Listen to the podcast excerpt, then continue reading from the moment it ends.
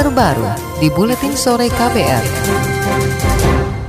Saudara rencana pemerintah memperketat aturan importasi sampah dan limbah dianggap setengah hati. Apalagi jika pemerintah tidak merevisi peraturan Menteri Perdagangan tentang impor limbah non-bahan berbahaya dan beracun B3 yang multitafsir. LSM Lingkungan Hidup Ekoton mendesak pemerintah menghentikan impor sampah secara total seperti yang sudah dilakukan Malaysia dan China. Direktur Eksekutif Ekoton Prigi Arisandi mengatakan harus ada pembatasan sampai 0% kontaminasi sampah plastik dan limbah beracun berbahaya pada sampah termasuk pada sampah kertas. Memang ini harus dihentikan, harus di stop. Kita tidak bisa membiarkan lagi impor waste paper kan adanya penyelundupan.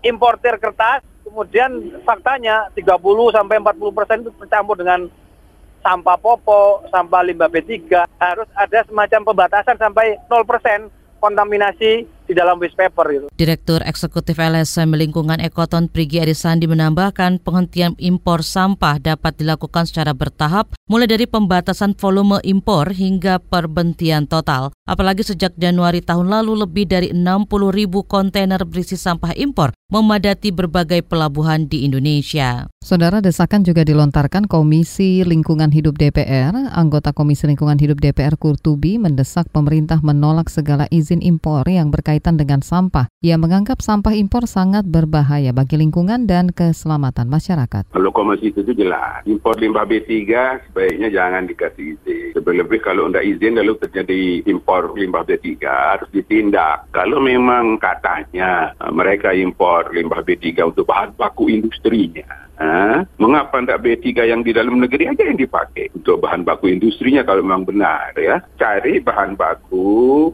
sampah plastik dalam negeri. Jangan sampah B3 plastik luar negeri yang diimpor dijadikan bahan baku. Anggota Komisi Lingkungan Hidup DPR Kurtubi meminta kementerian terkait untuk serius mengatasi permasalahan izin impor sampah. DPR khawatir karena kebutuhan bahan baku industri dalam negeri menjadi alasan dilakukannya impor sampah terus-menerus. Di tempat lain, anggota Komisi Perdagangan DPR Nasril Bahar menilai Indonesia belum mampu mengelola limbah, sehingga mengimpor limbah justru hanya akan menguntungkan perusahaan, bukan masyarakat dan negara. Presiden Joko Widodo berjanji akan memperketat aturan importasi sampah dan limbah. Menurut Jokowi, impor produk seperti biji plastik dan kertas bekas harus dibatasi karena bisa berbahaya terhadap lingkungan. Selain itu, dampak kerusakan lingkungan bisa lebih parah kalau sampah itu tidak bisa didaur ulang apalagi kalau mengandung bahan beracun berbahaya. Regulasi yang dibutuhkan untuk memperbaiki tata kelola impor sampah dan limbah ini betul-betul segera dipercepat penyelesaiannya. Sebenarnya penegakan aturan dan pengawasan yang ketat, seketat-ketatnya terhadap impor sampah dan limbah yang masuk ke Indonesia.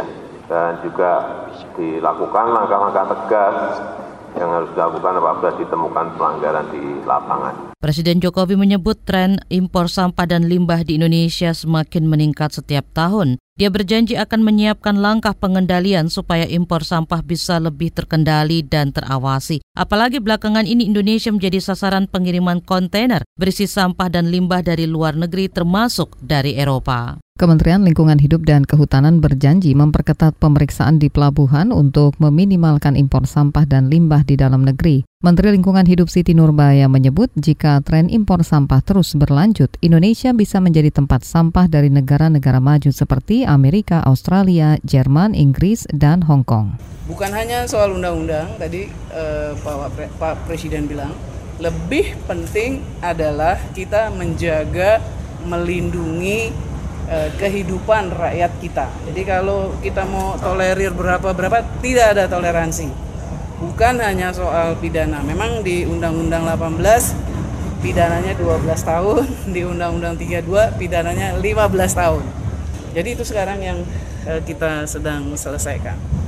Menteri Lingkungan Hidup Siti Nurbaya juga akan membuat aturan yang mempersempit ruang importasi sampah. Pemerintah mengklaim telah memulangkan 400 kontainer berisi sampah dan limbah impor ke negara asal. Saat ini masih ada sekitar 1.300 kontainer yang dicurigai berisi sampah dan limbah buangan di sejumlah pelabuhan. Ribuan kontainer itu masih diperiksa sebelum dikembalikan ke negara asalnya. Sebelumnya desakan revisi Permendak tentang impor limbah non bahan berbahaya dan beracun pernah dilayangkan Gubernur Jawa Timur Khofifah Indar Parawangsa. KBR berusaha menghubungi pejabat dari Kementerian Perdagangan, namun hingga berita ini disiarkan tidak ada jawaban dari Kementerian Perdagangan. KBR Sport. Ganda putra Indonesia Muhammad Ahsan Hendra Setiawan akan fokus untuk bisa lolos ke Olimpiade 2020 Tokyo usai menjadi juara dunia bulu tangkis di Swiss. Ahsan Hendra yang menjadi unggulan keempat mengalahkan unggulan ke-12 asal Jepang Takuro Hoki Yugo Kobayashi dalam pertarungan tiga game dengan kemenangan atas pasangan Jepang itu. Ahsan Hendra yang juga juara All England 2019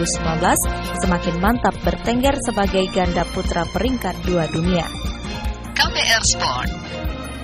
Pelatih timnas Thailand Akira Nishino mengandalkan tiga pemain yang berlaga di Liga Jepang dalam kualifikasi Piala Dunia 2022, termasuk ketika melawan timnas Indonesia. Nishino juga memanggil 33 pemain jelang pertandingan kualifikasi. Pelatih yang menangani Jepang di Piala Dunia 2018 itu kelak akan memangkas skuad Gajah Putih menjadi 23 pemain sebelum menjamu Vietnam dan bertandang ke Indonesia. KPR Sport.